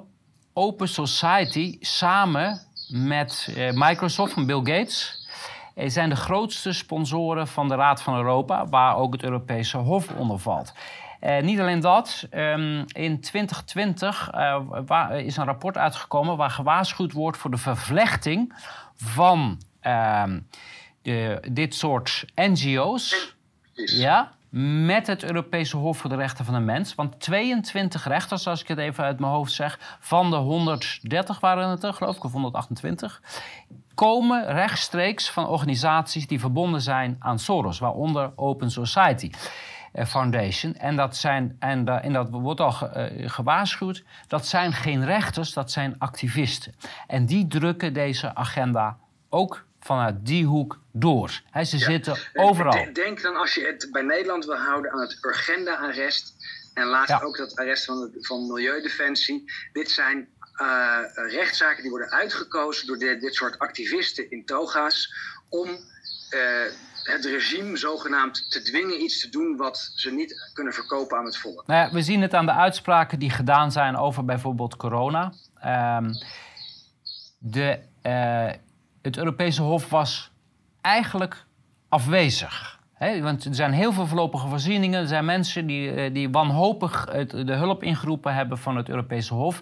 En het enige wat ze gedaan hebben, ze gaan uit van het narratief. Ja, COVID was verschrikkelijk en de uh, maatregelen zijn gerechtvaardigd. Maar net als de rechters hier, af en toe een kleine correctie, een kleine tikje op de vinger. Maar het geheel wordt gelegitimeerd en gefaciliteerd. We gaan daar nog een keer een aparte uitzending over maken, want hier is een hele hoop meer over te vertellen. Met name over de urgente-arrest eh, en eh, wat Europa gaat doen met klimaat. Want let op, ik kan jou vast vertellen, eh, het Europese Hof gaat lidstaten dwingen om de 2030-doelen, met name de CO2-reductie, om dat te gaan halen. Maar daar komen we nog een keer op terug.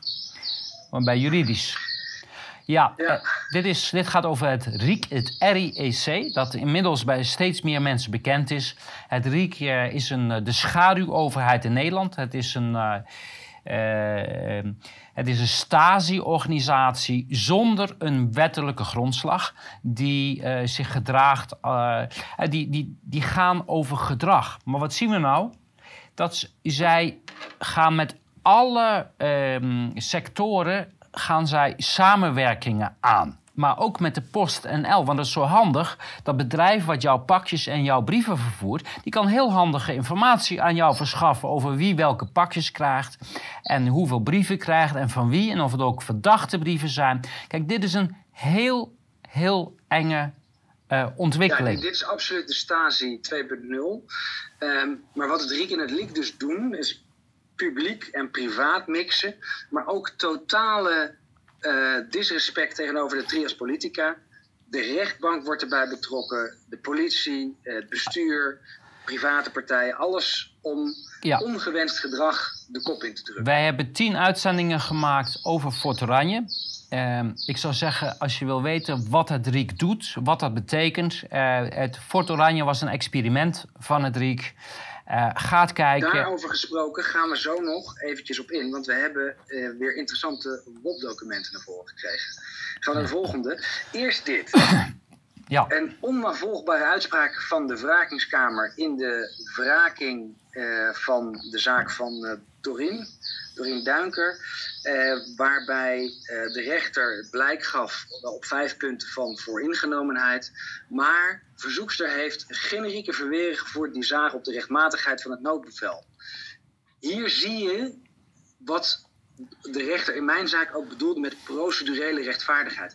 Het gaat niet over waarheid. Dat de ander misdrijven heeft gepleegd en dat die misdrijven ertoe hebben geleid dat jij onterecht veroordeeld wordt of onterecht vervolgd wordt, dat toetsen we hier niet. Daar gaat deze zaak niet over. Nee, en uh, nog iets. Uh, de, natuurlijk wees de wrakingskamer de wraking af. Maar vooral dat die rechter alvast vooraf het vonnis op papier heeft gezet vindt de wrakingskamer geen grond voor wraking of voor ingenomenheid. Kijk, als je dat vonnis al geschreven hebt, betekent niet dat jouw mening al vaststaat of dat je alvast een mening gevormd hebt over die zaak. Of wel, Willem?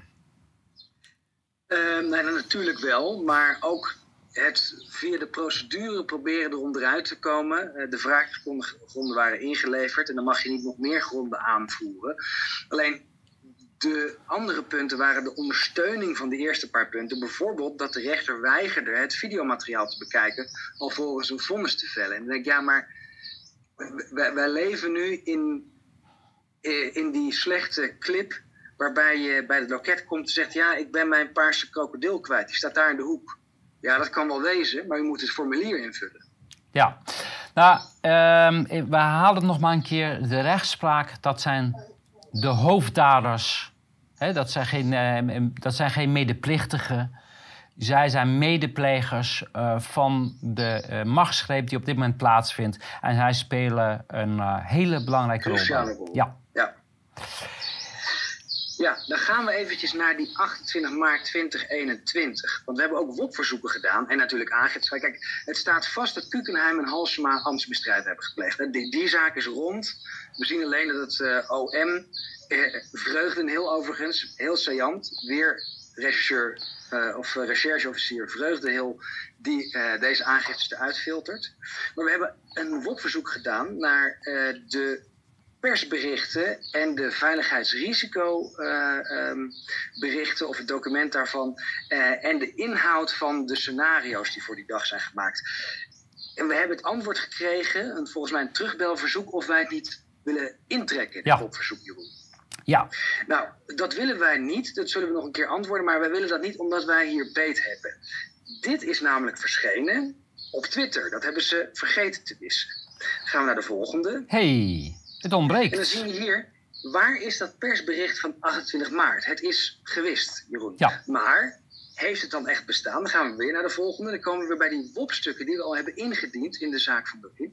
Dan zien we hier een paar interessante. Aanwijzing VRG, Museumplein 28 maart 2021. Waarom zit deze niet bij de WOP-stukken? Want die is gewoon voor 20 maart en 21 maart staat die gewoon nog op de website van de gemeente. Niet eens in de WOP-stukken, maar gewoon openbaar eh, eh, beschikbaar. Ehm, en dan zien we eh, hier nog wat, nog wat. In de bijlage, de aanwijzing voor morgen. De datum van ondertekening staat op morgen. Dus hier wordt dan gezegd, we gaan eh, de datum eh, frauderen. Maar dat is niet het ergste. Graag publiceren bij het persbericht. Maar dan betekent dus dat er zeker een persbericht is, Jeroen. Ja. En al deze stukken, daarvan zeggen ze nee, nee, nee, die, die, die zijn er niet. Maar kunnen we niet even bellen? En, en misschien willen jullie dan wel het WOP-verzoek weer intrekken. Ja, goed idee. Eh, Bart Roosendaal. Nou, Bart Roosendaal, wie is dat? Bart Roosendaal is de advocaat die ook de aanpak van Fort Oranje. Hè, als ik procedeer tegen de gemeente of tegen andere overheden, heb ik altijd meneer Roosendaal voor mij. Meneer Roosendaal is van AKD Advocaten. Hij is daarnaast eh, raadsheer plaatsvervanger bij het gerechtshof in Amsterdam. Maar hij is een van de grootste boeven in Nederland. Ehm, hij schreef ook de, eh, de, de, de corona, de, hoe heet het, de verordening. De, maatregelen, precies. De, de- de noodverordeningen. De volgende zien. Maar wat, Ja. wat hier zo interessant aan is, is dat hij wordt voorgesteld als de advocaat bij de ontruiming van Fort Oranje. Nou, er zitten een paar vreemde dingen aan. Ontruiming, het ging toch over in, in, in eh, beslagname of eigenlijk het bestuur of het, het beheer overnemen. Dus daarvoor spreken ze zichzelf van. En dit laat zien dat er een directe connectie is tussen Fort Oranje en de maatregelen. Ja, we hebben dat in die tien afleveringen waar, waar ik net naar verwezen heb. En nogmaals, ga het kijken. Daarin ehm, laten we zien dat Fort Oranje was een proeftuin voor de coronatijd. Alle technieken, alle psyops, eh, al- eh, de beheersen van social media, het controleren van social media, maar ook het controleren van het narratief in de media. Het is allemaal geoefend in Fort Oranje eh, aanpak. En daarom mocht het ook zoveel kosten. Hè. Waarvan we weten is het in ieder geval 20 miljoen gegaan. Maar waarschijnlijk is, dat nog veel is er nog veel meer naartoe gegaan. Let- Om, voor het ontruimen van een camping 20 miljoen uitgegeven. Hè. Voor de, Ja, en het was zeker niet de enige camping. Ik heb andere campinghouders gesproken die hetzelfde hebben meegemaakt. Ja, en hier, dit is interessant. Dit krijgt dus Grapperhaus op zijn bordje op 15 april. Krijgt hij allemaal, hè, Roosendaal van Zanden, NJB, eh, dat zijn dus die, die, die noodverordeningen. Eh, blog, eh, Centrum voor Openbare Orde en Veiligheid, et cetera, et cetera. Wat eh, hier duidelijk wordt, is dat het bestuur in Nederland toch echt anders in elkaar zit dan dat er in de grondwet ooit is bedoeld. Namelijk ministers die verkopen stukken die door private partijen worden opgesteld. En via die private partijen kan bijvoorbeeld een, een Department of Homeland Security, via de FEMA, al die protocollen over de wereld verspreiden. En op, op deze manier is het heel slecht wopbaar. Nou ja, die eh Roosendaal en Van der Zanden gaat denk ik over een artikel in het Nederlands Juristenblad hè, van 2020, pagina 938. Maar goed, eh, Het, het, het punt blijft hetzelfde, namelijk dat ministers verkopen en worden gevoed uit allerlei kanalen die niet Ja. onze eigen overheid zijn. ja. ja, de overheid heeft geen eh, denkcapaciteit meer. Hè. Die hebben alleen nog maar acteurs. Denkcapaciteit wordt eh, uitbesteed aan eh, consultatiebedrijven en advocatenkantoren. Dan gaan ze... nog eventjes naar mijn zaak, want we hebben daar weer een paar doorbraken, mag ik wel zeggen, gevonden. Eerst nog eventjes dit. Dit was het besluit van de rechter 20 juni 2022. We hebben nu de inhoudelijke behandeling gehad. Ehm, maar het probleem is dat de filmpjes niet zijn toegevoegd. En het filmpje dat werd laten zien van 9 december hebben we niet terug kunnen vinden in het dossier. Dus wie heeft dat gedaan? Uh, niet alle PL-nummers zijn er. En het is duidelijk dat de BOB-dossiers niet compleet zijn. En die zijn heel belangrijk voor de volgende openbaringen. Uh, gisteren, 1 december, ja, kwamen we hierop uit. Er heeft iemand heel goed en terecht gewopt naar mijn arrestatie en de rechtmatigheid daarvan. En nu zien we hier een mailtje van het parket-generaal naar het ministerie van Justitie. Uh, melding ontwikkeling gevoelige zaak, aangifte Dikkeboom tegen Engel. Ik gok het zomaar, Jeroen, ik gok het zomaar. Um, over relevante ontwikkeling houd ik jullie op de hoogte. Dus nou, dat is fijn. Dus 15 maart werd er al uh, druk bericht over de aanstaande arrestatie. Wacht even, waar, waar, het hier om gaat is, um, punt wat je ook in de rechtszaal naar voren hebt gebracht. Het ministerie en de minister hebben direct bemoeienis gehad met jouw vervolging. Even voor duidelijk, anders snappen mensen niet waar het over gaat. Dit is waar dat het bewijs van is. Hè? En eh, even in de herinnering, ik, ik herinner aan, uh, aan de Wilderszaak, noem maar op. Het is taboe dat een minister persoonlijk, en dat zegt ze ook zelf hè, met een uitgestreken gezichtje, zegt ze nee hoor, eh, dat doet doe mij nooit. Maar hieruit blijkt. we, we, hebben de smoking gun en dat zijn de volgende paar slides. Um, hier, dank. We brengen de melding bij de minister. Maar dit is nog steeds voor de arrestatie, 15 maart. Het gaat over deze arrestatie van mij op 16 maart. Uh, er is overleg tussen OM en ministerie van Justitie en Defensie. Hè, dus hier zit hier OM, et cetera. Helemaal prima. Ik zet ook even in de, in de CC, zodat hij het ook weet. Hier, super dank. Ik zal de minister dan via WhatsApp ook een seintje geven zodra het uit is. En dit is 18 maart. Dus dit is na de arrestatie, maar vlak voor de uitspraak van de Ehm, van de rechtercommissaris over of het voorarrest verlengd wordt. Maar, gaan we naar de volgende. maar je ziet een enthousiasme van de, uit het ministerie van jij moet kalt gesteld worden. Hè? Jij moet van, van de straat weg. Ja, ja dus, de, dus de bewoording is, dit is niet het enige wat er is. Er is veel meer over gecommuniceerd. Anders doe je dat niet zo kort en zo blij. Ehm, en hier, ik heb, uh, ben zojuist door het OM gebeld met de mededeling dat Engel is voorgeleid en wordt vastgehouden in voorlopige hechtenis. Het OM is met persbericht bezig, die krijg ik ook en stuur ik gelijk door. Oké, dit is tien over één. Dan gaan we naar de volgende. En dat is 11 over 1. Melding ontwikkeling gevoelige zaak aangifte Dikkeboom tegen Engel. Eh, dan staat daar het persbericht met het linkje. Het persbericht staat eronder. En daarboven we hebben de minister ingelicht. Dus tussen 11 over 1 en uh, eh, 23 over 1 is de minister ingelicht. Want dat moest en zou tijdens de ministerraad gebeuren. De volgende. En het is dan ook gewoon met een WhatsAppje gedaan. En wat ik hier opvallend vind is dat er een deel wordt gezegd is buiten verzoek. Maar dat gaat over het op de hoogte stellen van de minister van mijn arrestatie ten eerste. En dit is dan de, uh, in, uh, in voorlopige hechtenis of in bewaring gesteld. En dan staat hier thanks uitroepteken. Ja, maar dan staat en gefeliciteerd. Kunnen concluderen dat de minister zich hier persoonlijk mee bemoeit? Ja, ik weet wel zeker. Waarschijnlijk staat buiten het verzoek uh, gefeliciteerd. Het is gelukt. Hè? We hebben hem. Ja. Nee, dit is. Dus, dus het staat nu vast dat de minister gehoord moet worden in mijn zaak. En Weerwind moest al gehoord worden, want die heeft de rechtbank gevraagd om de conceptdagvaarding geheim te houden. Dus eh, alles wat we hebben gezegd, het blijkt waar te zijn, Jeroen. Nou, er is nog meer, want ze hebben gelogen namelijk. Hè? Ja, dat doen ze natuurlijk de hele tijd.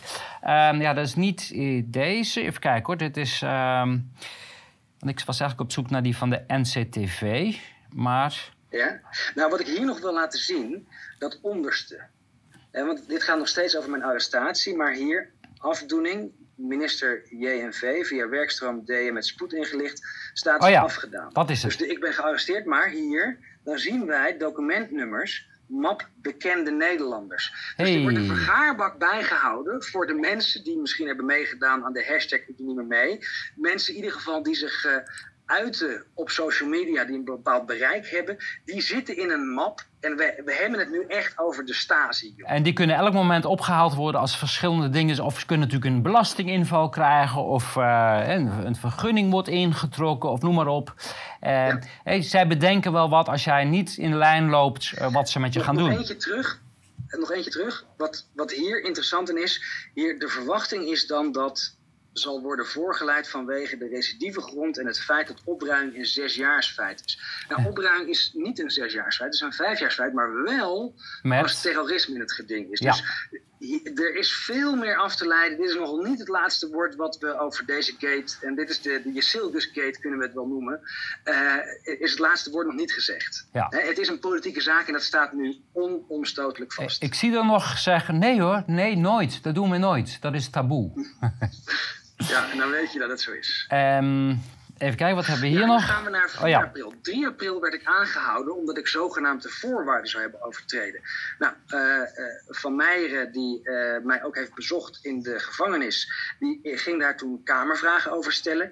En daar brak eigenlijk een beetje paniek over uit, want dat was niet de bedoeling. Het was namelijk evident dat die tweede arrestatie onrechtmatig was op meerdere gronden. De eerste, eerste arrestatie natuurlijk ook, maar die tweede helemaal. Want er werd geweigerd te identificeren, het was gemaskerd met boeien. Ja, ja. De voorwaarde was niet overtreden, dat staat natuurlijk ook Ja. vast.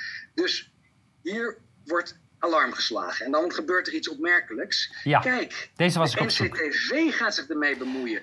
Maar wacht jongen, even. We hebben toch gehoord van het OM dat ze... Nee, er is helemaal Ja. geen contact geweest met de NCTV over deze zaak. Ja, want Nee, jij, jij vroeg in je zaak, eh, ik wil alle correspondentie met de NCTV, ik wil weten of contact. En het OM zei, nee hoor, en toen zei geloof ik de rechter ook nog, nou u hoort het, nee hoor, er is geen contact geweest. Nou, dit bewijst dat ze allemaal gelogen hebben en dat we dus ook meneer Albersberg als getuige moeten gaan horen in jouw zaak. Ja, zeker. En dat het Albersberg moet zijn, blijkt uit de volgende slide. Want eh, de staf van NCTV moest worden ingelicht. Die moesten ermee over, over bemoeien. Zij moesten namelijk bepalen hoe de minister moest reageren op de mondelinge vragen van het lid van Meijeren van de FVD. Hier zie je ook de sturing. Hè? De staf van de FVD is de baas van Nederland. Die geven een blaadje aan de minister wat zij moet zeggen op een bepaalde Ja. vraag. Ze kan het natuurlijk zelf ook niet eh, eh, eh, verzinnen. Ehm, nu staat onbestotelijk vast. Silkers heeft zich er persoonlijk mee bemoeid. De NCTV heeft zich ermee bemoeid. Maar die periodes zijn ook interessant. Kijk, tot die arrestatie op 15 maart eh, liep die stelselmatige observatie. Daarvoor van, van 10 januari tot 10 februari liep de, het, eh, het oriënterend onderzoek. Dat is door Jezilgus gestart. Die is namelijk op 10 januari geïnaugureerd. Dus zij heeft er waarschijnlijk veel meer mee te maken. En dat de NCTV hiermee eh, zich bemoeit. Tussen 30 maart en 5 april was er wederom een stelselmatige observatie. Dit hebben we uit de stukken kunnen destilleren, maar zit niet toegevoegd bij het BOB-dossier. Ja, dus maar- dit is een beerput die nu pas open gaat. Nederland wordt bestuurd door het NCTV. Ja. Nog eentje. En dan hier nog eentje. En zo Met- gaat het ja. maar door met. eh, en dit gaat dan over de spin die eraan moet worden gegeven. Ehm, op 4 april, dan ben ik nog niet voorgeleid. Op 5 april word ik eh, rond 12 uur voorgeleid. En doordat ik ben vrijgelaten, konden ze voorkomen dat het überhaupt tot deze vraag kwam. Maar kijk eens hoeveel mensen ermee bezig zijn om die vragen van Gideon van Meijeren te moeten beantwoorden. En hoe de NCTV hierbij betrokken is. En we ontvangen graag de achtergrondstukken. dus Ja, dat is ook een belangrijke. Dus de NCTV heeft kennelijk achtergrondstukken over deze hele zaak. Ja, en ook fact, fact sheets. Het, het is eh, niet te ontkennen dat eh, eh, de NCTV hier volledig bij betrokken is en een sturende rol speelt. nog eentje. En zo gaat het nog een keer Ja. door. Ik zal de link publiceren. Alles is terug te lezen. Dit is gewoon uit een WOP-stuk. Ja, en deze is ook interessant. Ja. aan het eind van 4 april. Hier zijn ze al de, de aftocht aan het blazen. De rechter zal nu beoordelen, alles in caps lock, Ja. of de schorsingsvoorwaarden door Engel zijn overtreden. Is dat een codewoord, Dat was- beoordelen, als je dat in hoofdletters schrijft? Want het is wel heel opvallend. Dat heeft iemand heel bewust gedaan, beoordelen. Terwijl dat is toch sp- spreekt vanzelf eh, voor zich.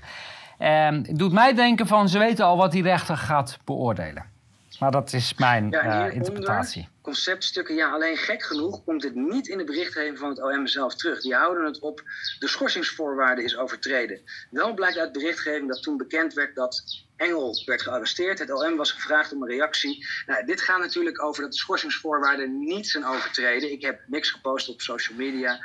Eh, de rechter, en mensen denken dan op 5 april dat ik gematst ben door de rechter. Nee, het tegenovergestelde is waar. Die rechter had daar het OM een schoffering eh, eh, moeten geven. En die heeft het nu bespaard. Namelijk dat het OM ehm, een politieke zaak aan het, eh, aan het uitvoeren was. En dat de schorsingsvoorwaarden helemaal niet zijn overtreden. Ja. Ja, en wat ik hier opvallend aan vind, dan zo tegen het einde van de dag, beginnen een paar ambtenaren zich te vragen of dat eigenlijk wel mag wat ze aan het doen. Nou ja, dat is En het. dit- Ja, dus eh, kijk, een minister nogmaals mag zich niet bemoeien met individuele zaken. Dus hier zijn een paar eh, ambtenaren die zijn alarm aan het slaan. Van eh, wat, wat, wat gebeurt hier? Waarom zit de minister hier uitlatingen over te doen? En is dat wel verstandig?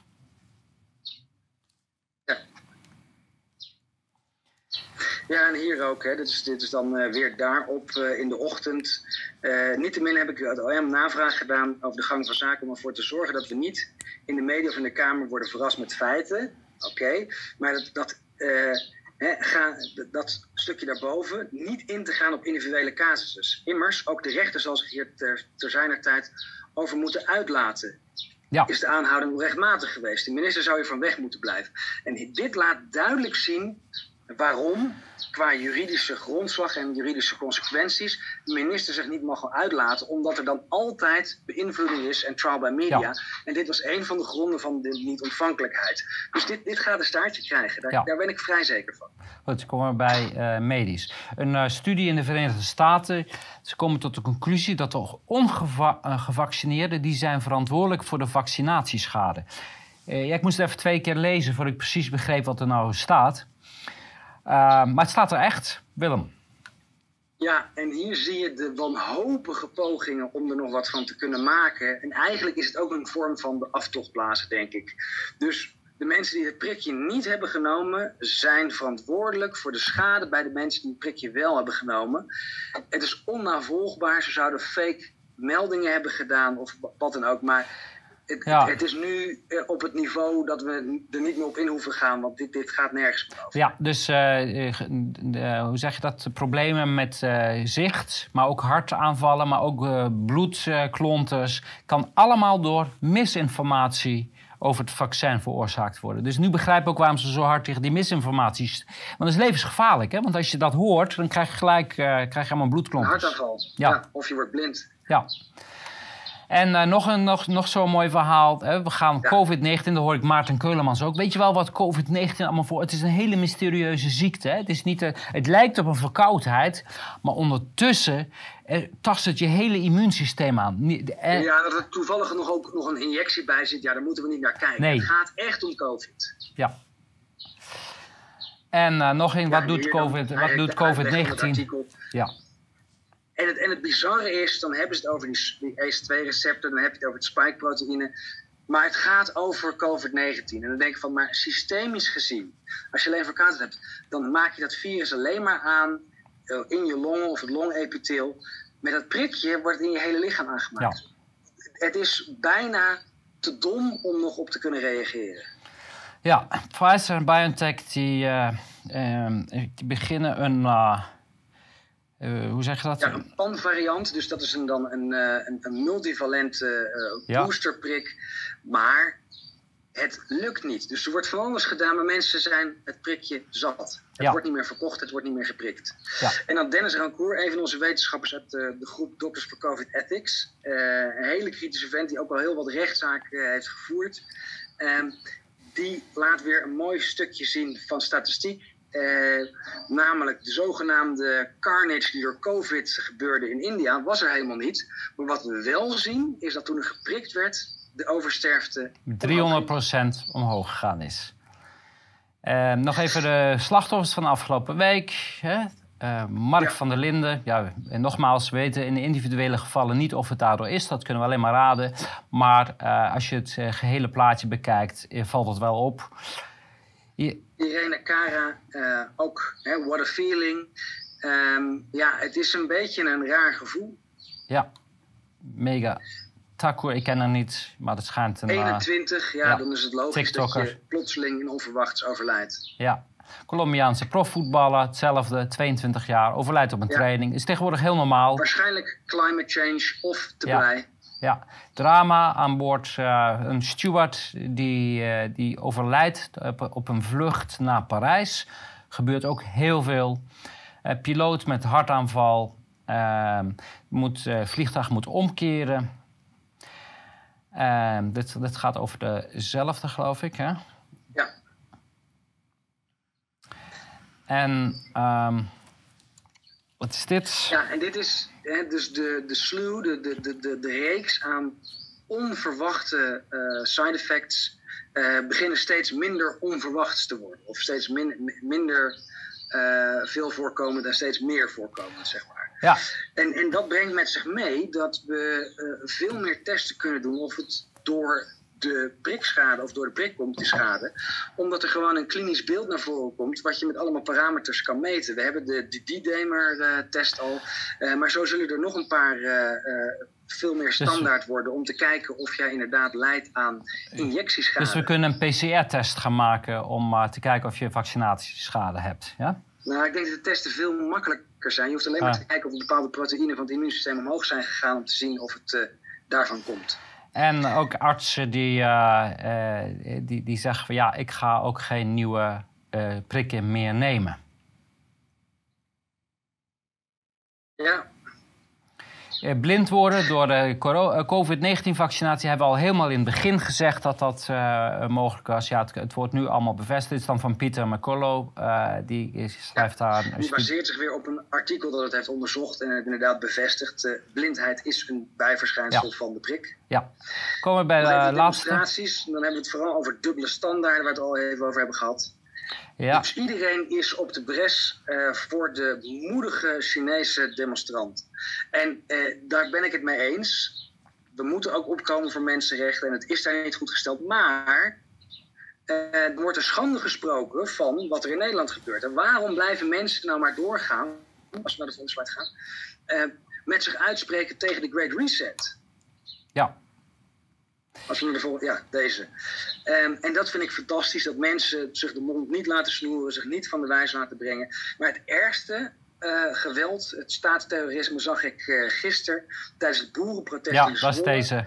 Um, dit zijn hooligans. Hooligans in, in, in politiepakken die proberen privébezit te slopen. Ja, nou ja, het enige wat ik er nog over wil zeggen is... Uh, ik, ik, ik begrijp niet dat die, uh, als je een opdracht krijgt van... ga jij maar in die shovel en dan gooi je al die tractoren maar even om... ga ze maar even narren, dat je dat doet. Hè? Want iedereen kan begrijpen dat als je zo'n opdracht krijgt... dat is strafbaar, dat is illegaal. verder, Jonathan Crispijn, een reporter van ja. Ongehoord Nederland met een perskaart dus.